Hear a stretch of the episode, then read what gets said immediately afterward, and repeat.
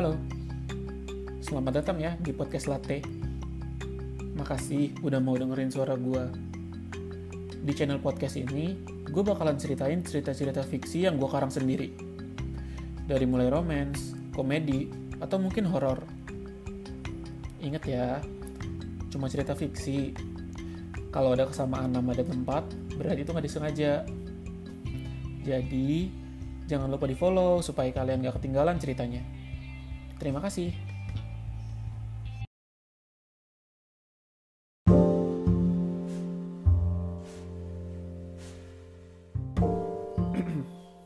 Kenalin, nama gue Arya. Tadi pagi, rencananya gue mau hapus beberapa kontak yang sebenarnya mereka tuh udah gak pernah berhubungan lagi sama gue. Hmm, kita sekitar ada 300-an mungkin. Tapi di tengah jalan, tangan gue berhenti pada sebuah nama. Mira. Gue langsung buka aplikasi WhatsApp, terus ngecek obrolan terakhir gue sama dia. Terus gue coba iseng ngechat dia. Masih centang satu. Persis sama kayak terakhir kali. Mira adalah cewek yang gue temui di Tinder setahun yang lalu. Perawakannya seperti cewek Jakarta pada umumnya.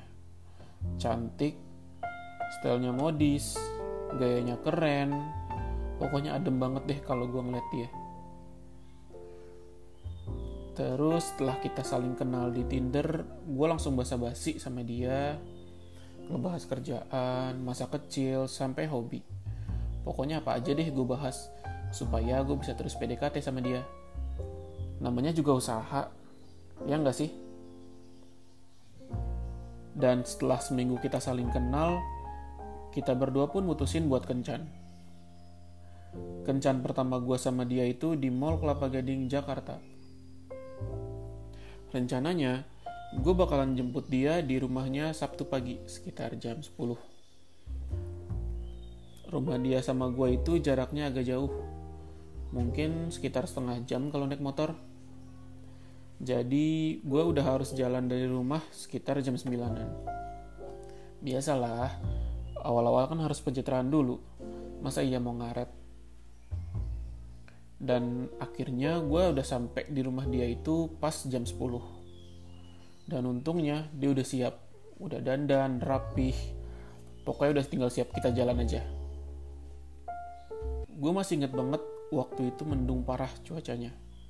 Dan sialnya, gue lupa bawa jas hujan.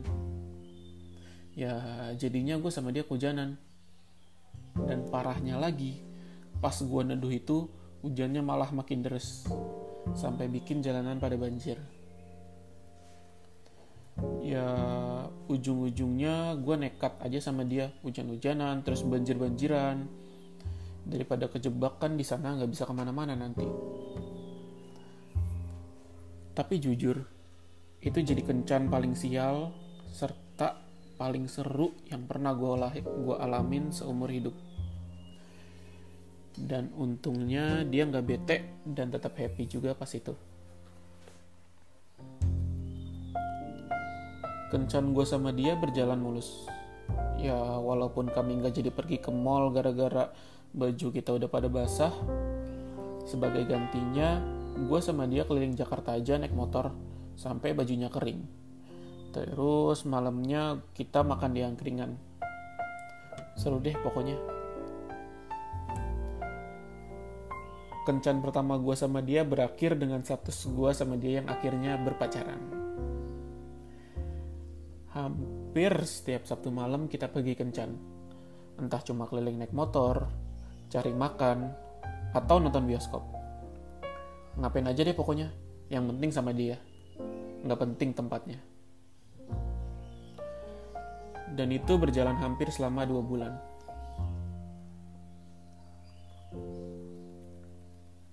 Tiga Maret 2020, hari Jumat. Waktu itu kerjaan gue lagi numpuk banget, hektik parah pokoknya. Sampai beberapa kali gue debat sama teman kerja gue ya tentang produktivitas sampai ke masalah pribadi. Di situ gue terpaksa ngebatalin kencan gue sama Mira sorenya. tadinya gue niat mau makan sore aja gitu sama dia. Tapi dari suaranya kedengeran banget kalau dia lagi kesel. Ya wajar sih, soalnya gue kan ngebatalinnya tiba-tiba.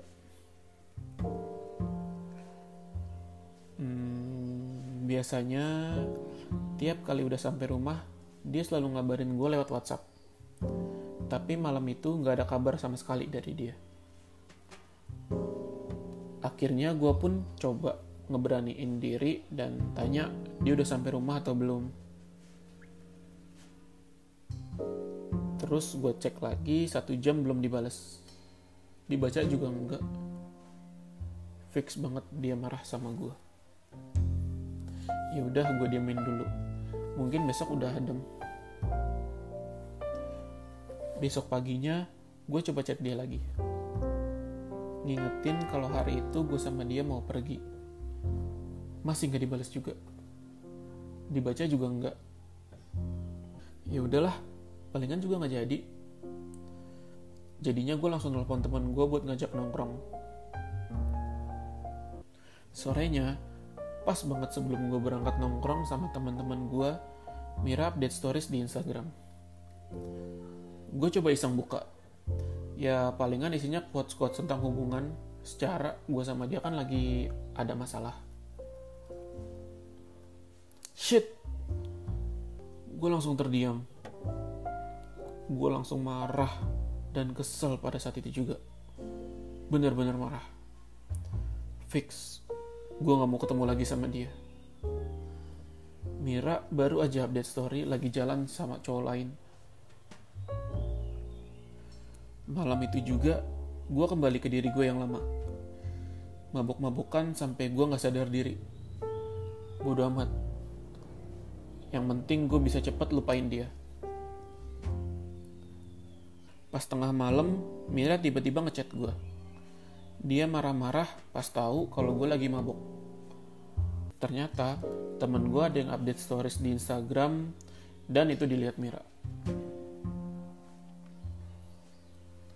Dia ngechat berkali-kali, gak gue balas. Ditelepon, gak gue angkat. Bahkan dia sampai nelpon temen gue, bodo amat. Gue juga udah nyuruh temen gue buat gak ngangkat teleponnya. Biarin, ini balas dendam gue buat dia. Besoknya, dia ngechat gue lagi. Masih gak gue balas. Teleponnya juga gak gue angkat. Di sini, gue gak berani buat bilang putus. Mungkin karena guanya juga yang terlalu sayang. Alhasil, gue ambil jalan yang paling gampang. Ghosting. Sudah cukup cerita dengan Mira.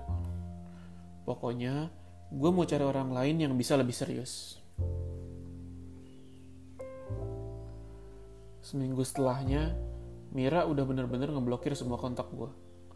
Bahkan sampai Instagram gue juga diblokir sama dia.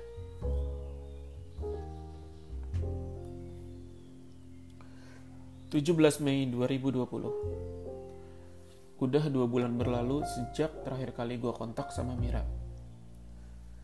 Gue nemuin fakta konyol tentang dia. Fakta tentang siapa sebenarnya cowok yang waktu itu diajak jalan sama dia. Ternyata dia adalah teman kantornya Mira. Sudah beristri pula. Goblok banget sumpah. Gue bener-bener ngerasa gak berguna. Udah nyanyiin Mira. Nyesel banget sumpah.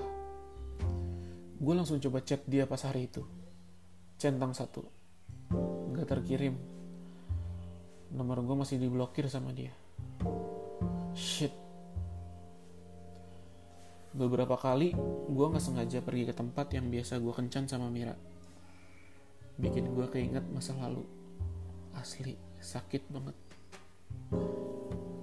Dan akhirnya, seiring berjalannya waktu, gue pun berhasil ngelupain dia. Agak sedih sih sebenarnya.